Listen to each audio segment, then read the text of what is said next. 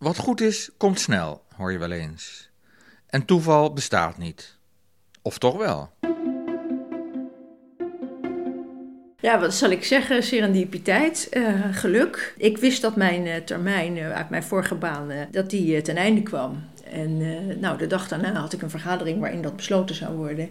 En de dag daarvoor werd ik dus gebeld of ik geïnteresseerd was. En zo wordt Katrien Bijleveld eind 2019 van de ene op de andere dag raadslid bij de WRR, de Wetenschappelijke Raad voor het Regeringsbeleid. Ja, ik denk dat dat gewoon toeval was. Maar het, het was wel verbazingwekkend. Katrien is op dat moment nog directeur van het NSCR, het Nederlands Studiecentrum Criminaliteit en Rechtshandhaving. Ze hoeft niet lang na te denken om het aanbod te accepteren. Wat trekt haar aan bij de WRR? Ik denk dat de belangrijkste reden voor mij om bij de WRR te gaan is dat je met onderzoek iets kunt bijdragen aan beleid, aan regeringsbeleid. Ik heb als onderzoeker uh, vaak gemerkt dat je artikelen schrijft en onderzoek doet en dat je denkt, nou, hier zouden ze nou echt wat aan hebben in Den Haag. En dan ga je er nog heen, hè, om aandacht brengen of je probeert interview te geven in de krant. Dat je denkt van nou, moet nou toch echt opgepakt worden. En dan ja, gebeurt dat toch vaak niet. En nou zijn natuurlijk heel veel dingen zijn politieke beslissingen, dat begrijp ik ook wel. Maar toch is het soms jammer, denk je, dat er meer gebruik zou kunnen worden gemaakt van die wetenschappelijke inzichten. Nou, en als je nou bij de WR zit, dan zit je er zo dichtbij. Dan, dan heb je de hoop dat dat, en dat gebeurt ook volgens mij, dat zie ik al gebeuren in de korte tijd dat ik er ben, uh, dat daar meer mee gebeurt. Het is natuurlijk fantastisch om wetenschappelijk onderzoek te doen. Heel hoogdravend, heel briljant in een ivoren toren. Maar uiteindelijk is het natuurlijk fantastisch als er wat mee gebeurt. Katrien Bijneveld is criminoloog. Maar de weg daar naartoe liep over verschillende paden. Mijn achtergrond is uh, nogal divers. Ik heb eerst psychologie gestudeerd. Ben toen afgestudeerd in methode en technieken heb een proefschrift geschreven over datatheorie, dus een beetje de nou ja, technische kant van onderzoek doen. Heb toen een aantal jaren op dat vakgebied gewerkt uh, en ben toen terechtgekomen bij het ministerie van Justitie. En toen dacht ik, nou, misschien is het dan toch ook wel handig om iets meer van recht te weten. Dus ik ben uiteindelijk ook afgestudeerd in de rechten. Dat is natuurlijk een beetje een aparte combinatie, onderzoeksmethodologie en rechten. En ik ben alweer heel veel jaar geleden terechtgekomen in het criminologische onderzoek.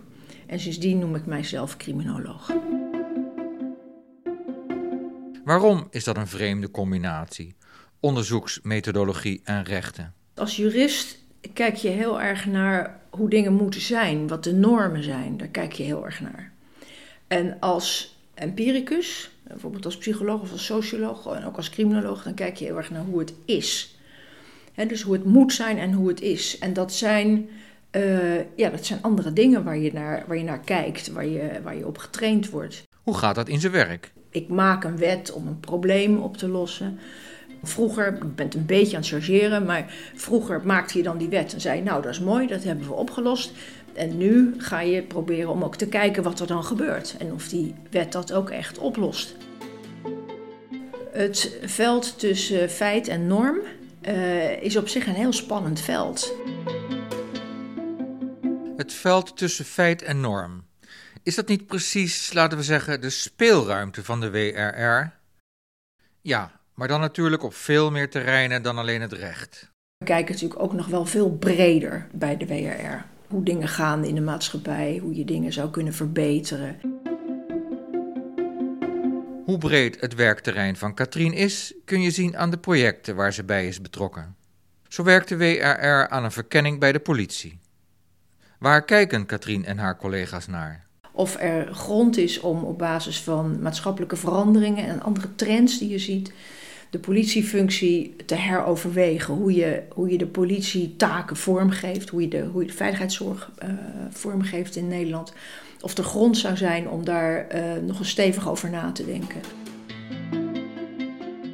En de twee trends waar we naar kijken is uh, allereerst privatisering van heel veel veiligheidstaken. En het tweede waar we naar kijken is de enorm snel toenemende digitalisering van onze maatschappij. Nou, en de politie is natuurlijk traditioneel heel fysiek ingericht. Hè. Er is een wijkagent, er is gebiedsgebonden politiezorg. En hoe moet je nou dat doen als mensen virtueel interacteren en bijvoorbeeld onveiligheid virtueel is? Tweede onderzoek waar Katrien aan werkt is de band tussen onderneming en maatschappij. Je bent op zoek naar uh, of uh, ondernemingen naast winst maken, of die ook een maatschappelijke rol zouden kunnen vervullen. En wat je ziet is dat dat historisch heel vaak zo is gedaan. Hè, vaak in de vorm van bijvoorbeeld onderwijs of huisvesting of andere dingen voor de werknemers. En we zijn aan het zoeken hoe dat in de huidige tijd, uh, hoe, dat, hoe dat vorm zou kunnen krijgen. Wat er gebeurt, waar je tegenaan loopt, wat er wel en niet makkelijk gaat. Voor dit onderzoek heeft de WRR geen opdrachtgever. Want die vrijheid, of beter die missie, heeft het instituut. Zelf je oor te luisteren leggen en horen waar het schuurt. Je ziet dat bij de WRR, eh, dat we, dat we dus die twee smaken hebben als het ware. Dus onderwerpen die wij zelf uh, uh, oppakken, waarvan we zeggen wij vinden het belangrijk dat we daar naar gaan kijken. En onderwerpen die we bestuderen naar aanleiding van een verzoek. En de politieverkenning waar ik bij zit, dat is er heel duidelijk eentje die op verzoek wordt gedaan. Het derde onderwerp waar Katrien zich op richt is corona. Van de zomer hebben we ook een notitie geschreven over corona. Best ingewikkeld om als WRR wat over te schrijven, omdat wij natuurlijk vaak heel erg lange termijn, juist niet acute dingen onderzoeken. Maar wat we hebben geprobeerd is om te kijken in uh, eerdere onderzoeken of daar uh, bevindingen in, uh, naar voren waren gekomen die ook relevant zouden zijn voor de situatie waar we ons toen in bevonden. En dan hebben we, heb ik samen met een staflid hebben we daar een notitie over geschreven. Dat onderwerp blijft nog wel even op de agenda staan. Soms is het ook heel exploratief binnen de WRR. Dan ben je aan het zoeken van hoe gaan we dit doen en wat kunnen wij bijdragen. Die exploratieve houding is overigens ook wat Katrien Bijleveld zo bevalt bij de WRR. Ik kom heel veel nieuwe dingen tegen die ik allemaal helemaal niet wist. Je zit natuurlijk op de universiteit heel erg in je eigen straatje, vaak gespecialiseerd. Daar doe je je werk in en daar lees je literatuur. En hier is het veel breder. En dat is ook wel heel erg leuk. Je, je werkt natuurlijk met mensen samen die het allemaal, allemaal heel veel dingen heel goed weten. Dus je zit er meteen helemaal hoog in. Met haar werk aan de universiteit doelt Katrien op haar hoogleraarschap bij de Vrije Universiteit. In methoden en technieken voor empirisch juridisch en criminologisch onderzoek. Het is bij ons ook de regel dat iedereen ieder stukken heel goed leest. Dus ik lees alles beren goed wat er de deur uitgaat. En dat soms ook in meerdere rondes. En dat maakt niet alleen dat jouw eigen stuk echt supergoed doortimmerd is voordat het de deur uitgaat. Maar dat maakt ook dat je heel veel absorbeert en ziet van waar anderen mee bezig zijn. Want in het normale leven zou je iets zo even vluchtig lezen of je zou de samenvatting even lezen. Maar nu is het echt van bladzij 1 tot bladzij 360.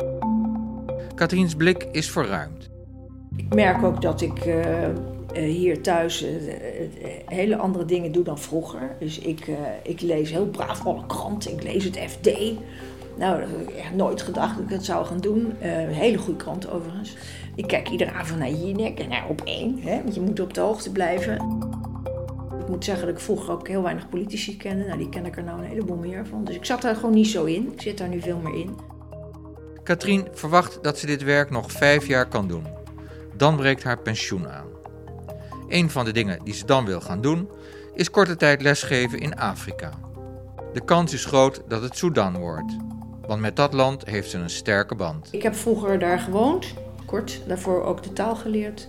Ik heb vrienden daar, een deel woont er nog, een heel groot deel is weg.